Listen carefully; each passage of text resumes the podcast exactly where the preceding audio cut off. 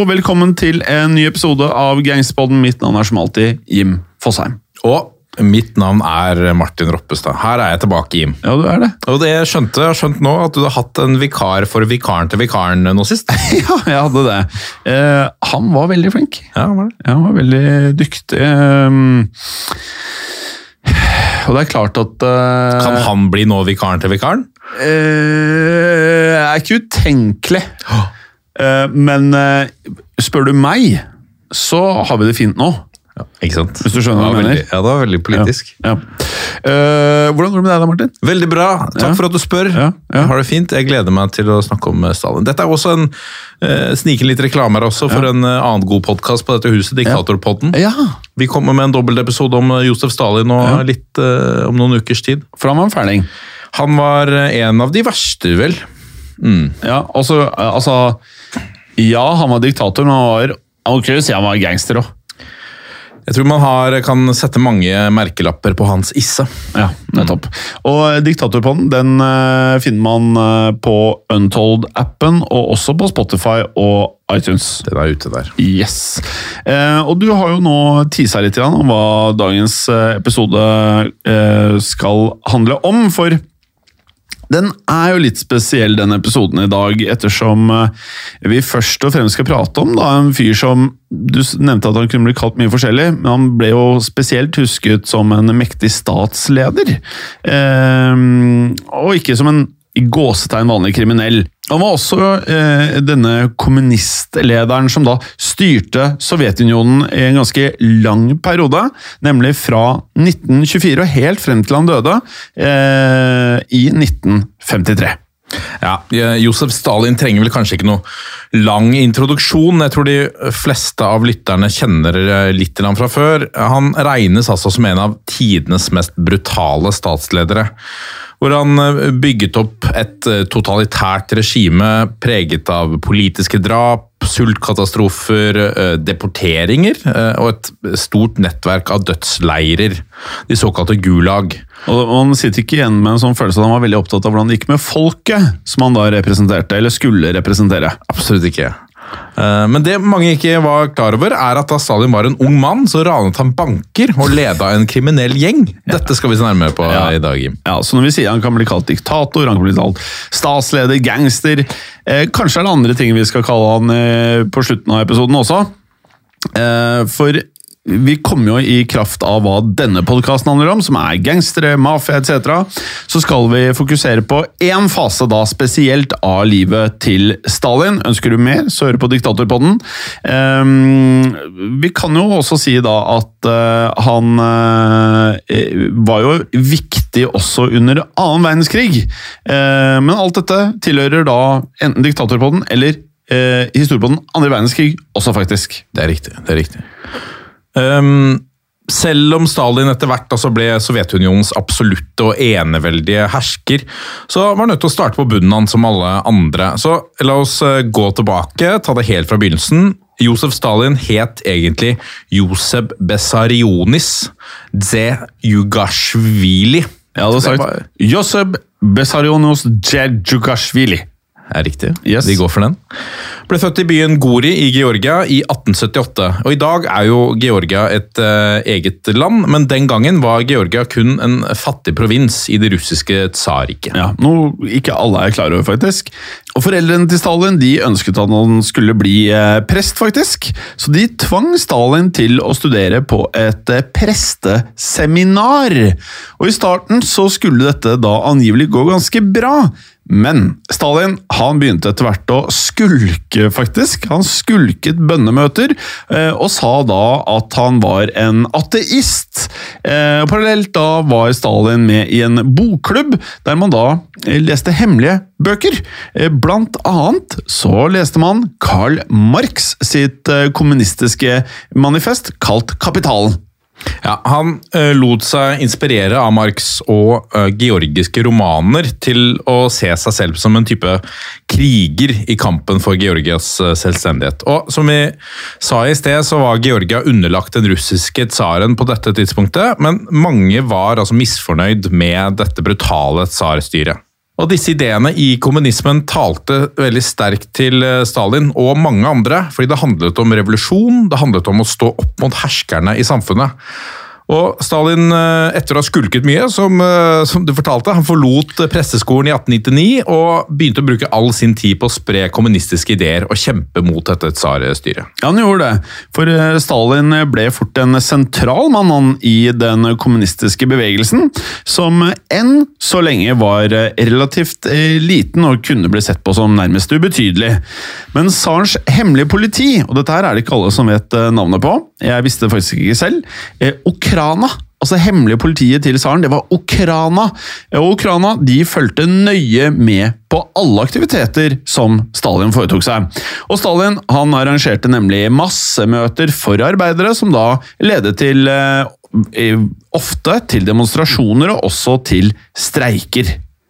Og Selv om Stalin levde i skjul med hjelp av sine sympatisører i en del år, så ble han til slutt også arrestert av Ukraina i 1902. Der eh, ble han dømt til tre års eksil i Sibir, men klarte nok eh, utrolig nok å rømme og ta seg helt hjem til Georgia i 1904. Og så er det ikke kjent hvordan Stalin fikk til dette, men deler av denne flukten må ha skjedd til fots i kald og dyp snø. Altså ja. Han har gått gjennom eh, ganske mye her, da. Det var røft. Det vil jeg si. Eh, veldig røft. Og, og, eh, året etter, altså i 1905, eh, så brøt det ut eh, politisk uro og også eh, folkelig opprør i Tsarriket. Og dette var da en følge av at eh, tsarens soldater bedrev massakre. De massakrerte over 200 angivelig fredelige demonstranter i St. Petersburg. Og urolighetene de spredde seg videre til Georgia, og flere hundre mennesker ble da drept i voldelige sammenstøt mellom eh, ulike etniske grupper. Og Stalin så at eh, tsarens politistyrke var svake. Han bestemte seg derfor for å danne sin egen milits, en slags eh, bolsjevisk Bolsjeviksk? Bolsjevikisk Bolsjevisks Uansett en bolsjevikisk kampgruppe. Og Bolsjevikene det var navnet på kommunistfraksjonen som Stalin tilhørte. Eh, denne kampgruppa opererte faktisk på en måte som minner om organisert kriminalitet, altså er vi inne i mafia-gangstersporet her. Mm. Mm. Gruppa tjente nemlig penger ved å presse lokale bedrifter til å betale dem beskyttelsespenger, ikke ja. ukjent. Ja, og dette opplegget er da kjent som Protection Rackets på engelsk. Ideen er ganske enkel, Martin. Kriminelle grupperinger de tilbyr da, og vi har vært det i podkasten mange ganger, eh, de tilbyr jo da personer, butikker eller mindre firmaer beskyttelse mot innbrudd, mot f.eks. hærverk, angrep eller lignende. Eh, men beskyttelsen den koster da penger, selvfølgelig, eh, og dersom firmaet ikke ikke betaler, så kan det hende at de kriminelle rett og slett da ramponerer eller ødelegger butikklokalene, eller rett og slett dreper eieren. Eh, så det er med andre ord eh, en, en god, gammel utpressingsmetode. Ja, og dette med beskyttelsespenger er nok mest kjent fra italiensk mafia, der gebyret som eh, bedriftene må betale, kalles for pizzo. Pizzo. Pizzo. Men Stalin gjorde altså det samme, og pengene han pressa til seg, ble brukt i kommunistenes kamp mot tsaren. Så det var en måte for han å finansiere et opprør.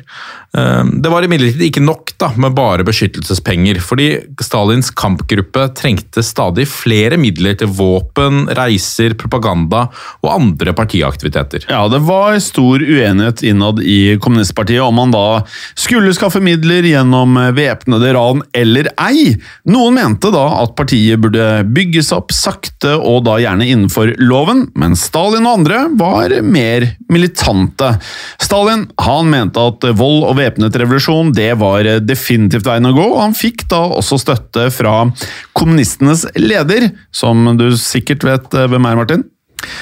Vladimir Lenin. Ja. Um, han ga sin velsignelse altså til eh, Stalin, og derfra begynte Stalin å planlegge flere bankran. Men i stedet for ordet ran, så brukte de det vage ordet ekspropriering. Ja. Det er en fiffig måte å gjøre det på. Meget. Eh, Lenin instruerte altså Stalin til å danne en gruppe av ranere som ikke var direkte tilknytta bolsjevikene. Nei. og Lenin sa følgende til Stalin, sitat når du skal finne en leder for gruppen, velg en person som heller vil dø enn å avsløre planen dersom han skulle bli arrestert. Ja. Og det hadde du vel forventet. Det, vil, eh, det, er i hvert fall en fin person å ha med på laget, tenker jeg. Ja, ja. Jeg tenker det. Eh, Stalin han eh, nølte ikke lenger med å utnevne Kamo til leder for denne i gåstein ransgruppen. Kamo han var en uh, georger av uh, sterk kriminell bakgrunn. Hans ekte navn var Simon Arshaki Ter Petrosian. Uh, Kamo han hadde tidligere klart å rømme han fra tsarens fengsler hele to ganger. Og han hadde også stått imot både tortur, han hadde utpressing, uten å tyste på noen av kameratene sine. Som en harding. Absolutt, og det, de fordelte eh, rollene her litt mellom seg. Stalin tok seg av planleggingen, mens Kamo tok ansvar for selve ranene. Og også da ansvar for å rekruttere 20 menn til eh, denne gruppa. Alle sammen var georgiske kriminelle.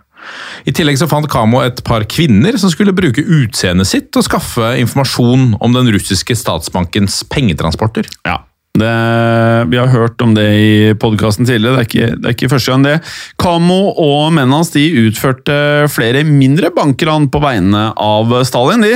Eh, men det virkelig store kuppet skulle skje i 1907, eh, nærmere bestemt i juni. For da fikk Stalin en unik og også hemmelig eh, informasjon fra sin kontakt i Statsbankens filial i Tiblisi, nemlig da Georgias hovedstad. Og kontakten den røpet at det skulle komme en stor pengetransport til banken den 26. juni, og vi prater da fortsatt om 1907. Ja, og Dette var Stalins store sjanse. Og Når vi er tilbake etter en kort pause, så skal vi fortelle dere alt om dette spektakulære ranet i Tiblisi. Følg med! Velkommen tilbake. Før pausen hørte vi at Josef Stalin var eh, blitt gjengleder for en væpnet kommunistisk eh, gruppe som kjempet mot tsarstyret. Og I 1907 så inngikk Stalin et partnerskap med den eh, altså denne georgieren eh, Kamo om å da rane banker med mål selvfølgelig om å skaffe penger til kommunistenes politiske kamp. 26.6.1907 skulle Stalin og Kamo da utføre sitt aller største ran så langt. Ja, og Målet for dette ranet var en pengetransport som skulle gå mellom postkontoret og statsbanken i Tiblisi. Transporten var en, en, hestevogn, ikke så veldig beskyttet, eh, kan vi si. og Vogna med pengene skulle fraktes over den store Jerevan-plassen i Tiblisi sentrum. Stalin og Kamo var på forhånd blitt tipsa om denne pengetransporten, og de hadde lagt en dristig plan. Ja, og Like før klokken 11 om formiddagen så forlot pengetransporten postkontoret med kurs mot banken. Og Transporten den eh, besto i all hovedsak av to vogner. og I én av disse vognene så satt eh, Statsbankens eh, kasserer eh, sammen med pengene. Den andre vognen var derimot fullpakket med både politi og soldater. Eh, og Vognene de var i tillegg da omringet av politimenn på hester og hadde ladde pistoler. Og Det var gode grunner da, for dette store vaktholdet, fordi pengevogna inneholdt nemlig rundt 1 million rubler, og det tilsvarer rundt 12 millioner kroner i dag. Disse to vognene raslet sakte over plassen, uten at verken kassereren eller politistyrken kjente til angrepet som ventet dem. Riktig det. Stalin han eh, visste at det ville kreve en eh, ja, stor dristighet å kunne gjennomføre et slikt eh, kupp, så ranet var derfor nøye planlagt. Stalin og Kamo de eh, hadde da satt ut flere tungt bevæpnede menn som slentret rundt på denne plassen, utkledd som bønder. Og disse eh, gåsteinbøndene de ventet på at vognene skulle omsider komme. Og Samtidig så hadde da ranerne flere utkikksposter på forskjellige gatehjørner, på hustak og også i en bar. Og Kamo og de andre ranerne fulgte med, ventet tålmodig på vognene, som til slutt nådde punktet der ranet skulle skje. En av de kriminelle senket da sakte en sammenrullet avis for å gi tegn til de andre. Sekunder senere kom det et blendende glimt og et stort brøl som følge av at Stalins menn kastet håndgranater mot hestene. Ja, Hestene de ble revet i stykker de, av eksplosjonene, dessverre. Og Det samme ble også en politimann og flere av soldatene. Så dette var ganske, det var brutalt, dette her. Eh, og Ranerne de eh, begynte så å peppe vognene med kuler. Altså, de tømte magasiner her. Og i løpet av det var bare noen sekunder så ble det fredelige torget forvandlet til nærmest et blodbad som var fullstendig massaker. Eh, og etter hva vi kan forstå, så var brostenene som var i området her, de, de var rett og slett bare ikke bare overfylt av blod, det var innvoller. Det lå da omsider kroppsdeler eh, og dyppet rundt eh, i blod på gaten her. Og Det kunne virke som dette var, altså alt var dødt her, men idet ranerne løp mot vognene, så reiste en av hestene seg opp. og Hesten var eh, lemlestet, eh, men ikke drept. og Den begynte plutselig å dra pengevogna over plassen. Og Plutselig så skyter den, skjøten skjøt den fart, og det var en helt reell fare for at den skulle komme seg unna med pengene. Så Ja, ja. en, det hadde vært en ganske dramatisk vending på hele Ja, det situasjonen. eh, litt antiklimatisk i forhold til hva man forventet her, men eh, en av Stalins menn han eh, sprang etter hesten og eh, slengte da en eh, granat under magen til hesten. Eh, Og da kan man jo tenke seg hva som skjer her, for eh, da granaten eksploderte under hesten, så var det dessverre med full effekt, så denne hesten ble ødelagt på alle mulige måter. da, som ble revet i fillebiter, eh, og pengevognen den ble med andre ord da stanset. Og da eh, kan vi jo tenke oss også selv, det var full panikk, kaos blant folk på denne plassen. Men først nå begynte ranet for alvor. Stalins nestkommanderende Kamo rei inn på plassen med en vogn bak seg, mens han skjøt rundt seg med en pistol. Og de andre ranerne slang sedlene inn i vogna til Kamo, og eh, Kamo forsvant da med pengene før noen klarte å følge etter han. Ja, og etter å ha sikret seg pengene, så red da omsider Kamo ut av plassen. Og han var, etter hva vi forstår, ikledd en uh, militæruniform, den av en offiser. Slik at da Kamo da møtte på en eh, politivogn, så lot han rett og slett som han var en offiser, og ropte noe sånt som følger Pengene er trygge, løp til torget! Og det her høres ut som en film, Martin. Absolutt. Og det sier vi ofte i denne podcasten her, da.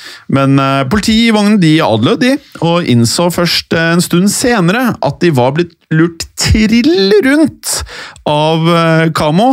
og han red deretter til gjengens hovedkvarter, da.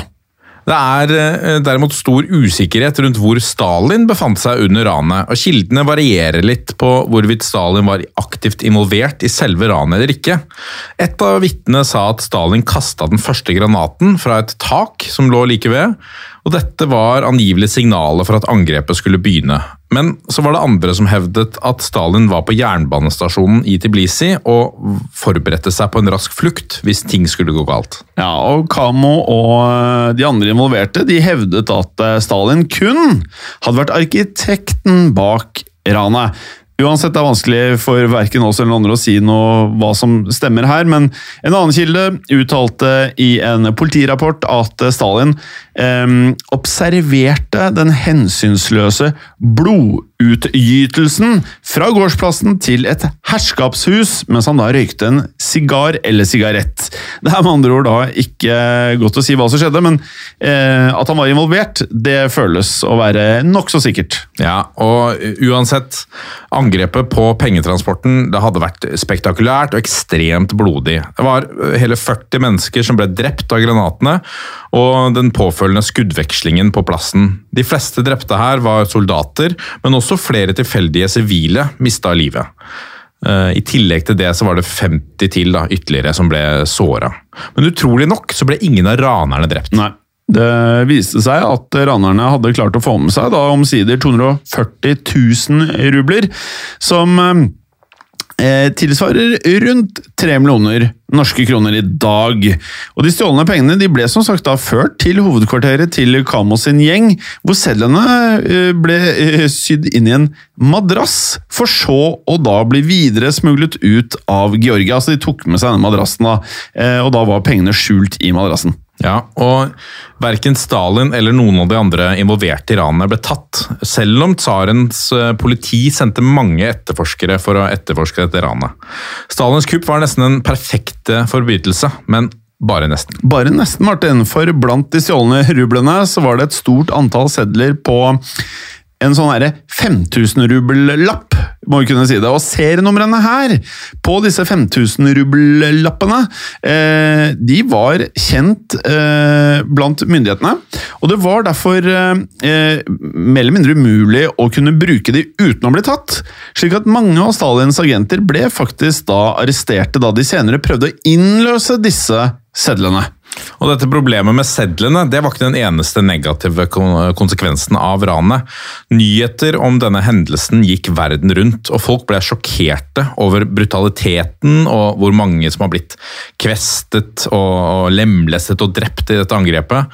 Ranet skapte motstand mot bolsjeviken over hele Europa, også i kommunistiske kretser. Ja, men eh, innad i eh, denne gjengen til Stalin, og blant også bolsjevikene, så var ranet regna som en stor suksess. Eh, Og for Stalin så var eh, ranet nærmest et vendepunkt, for han hadde jo da klart å organisere et eh, det var jo usedvanlig dristig ran, selv om det også var veldig blodig. Og med det også bevist sine lederegenskaper og også klart å oppnå fremragende resultater. Og enda viktigere, han hadde da vist at han var villig til å gjøre absolutt alt for å lykkes i å nå målene sine, selv og da drepe, og da drepe spesielt sivile.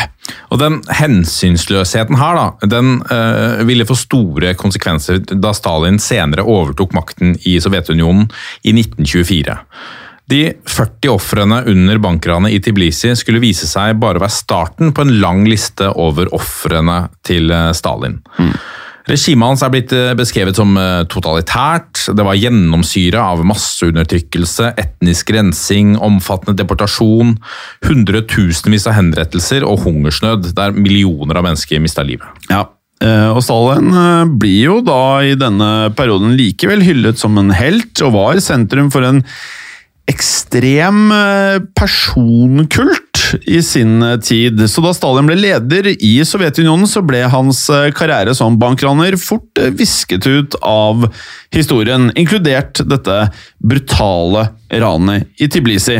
Og når det gjelder Kamo, altså denne georgieren, så ble han omsider arrestert eh, ikke mange månedene etter ranet, men han unngikk faktisk eh, fengsel ved at han rett og slett erklærte seg sinnssyk og spilte gæren. Og det er verken første eller siste gang vi kommer til å høre om eh, gangstere som spiller gærne i denne podkasten. Og ved å, å spille gal, så eh, skulle han måtte gjøre noe som eh, jeg tror veldig få er villige til å gjøre. Han spiste sin egen avføring, Martin. Hadde du vært hva, ja, ja, Det hadde er i hvert fall kjedelig å bli dømt da tilregnelig, og så spise den etterpå. ja, da har du virkelig driti deg ut, bokstavelig talt. ja, det stemmer. Og etter å ha rømt, da, Han endte opp på psykiatrisk sykehus, og så rømte han derfra. Og Da fortsatte han sin karriere som kriminell. Og Da bolsjevikene tok over makta i Russland etter revolusjonen i, vi, i 1917, så fikk Kamo starte sin egen kriminelle gjeng med Lenins godkjennelse. Ja, men bare fem år senere, da må jeg skru klokken, eller kalenderen frem til 1922, så ble Kamo påkjørt av en bil mens han var ute og syklet. Eh, og det hele så ut som en vanlig ulykke. Men noen spekulerer i om Stalin kan ha stått bak denne såkalte ulykken. Kanskje mente Stalin at Kamo visste altfor mye om eh, fortiden hans. Eh, uansett, etter eh, Kamo sin død så ble han hyllet med et gravmonument like ved Jerevan-plassen i Tbilisi, altså der det eh, grandiose ranet hadde funnet sted i 1907. Det, jeg må kunne si at det var en eh, veldig alternativ måte å finansiere en valgkamp på. Det, må, jeg, det må jeg si. Litt Ja. andre grep Ja. de tok det der. Ja. Tusen takk for at du var med i dag, Jim. Da skal Ja. vi takke Takk for i dag. Takk skal du ha. Eh, du må ikke glemme det vi tar på slutten, av, Martin, hvis du skal være meg. Ja, men det er jo også en, Du Må ikke glemme gangsterlåta heller. for Ja. Det ligger altså en liste på, på Spotify som jeg liker veldig godt. Ja. Ukas låt der er Gimme the Loot av, Gimme the Loot. av Notorious BIG. Også kalt Biggie. Yes, det er riktig. det er Ja. riktig. Og Jim, Martin. ja, Ikke så med fiskene. men hold det gangster. Helt riktig, det. Ja. Ha det bra. Ha det.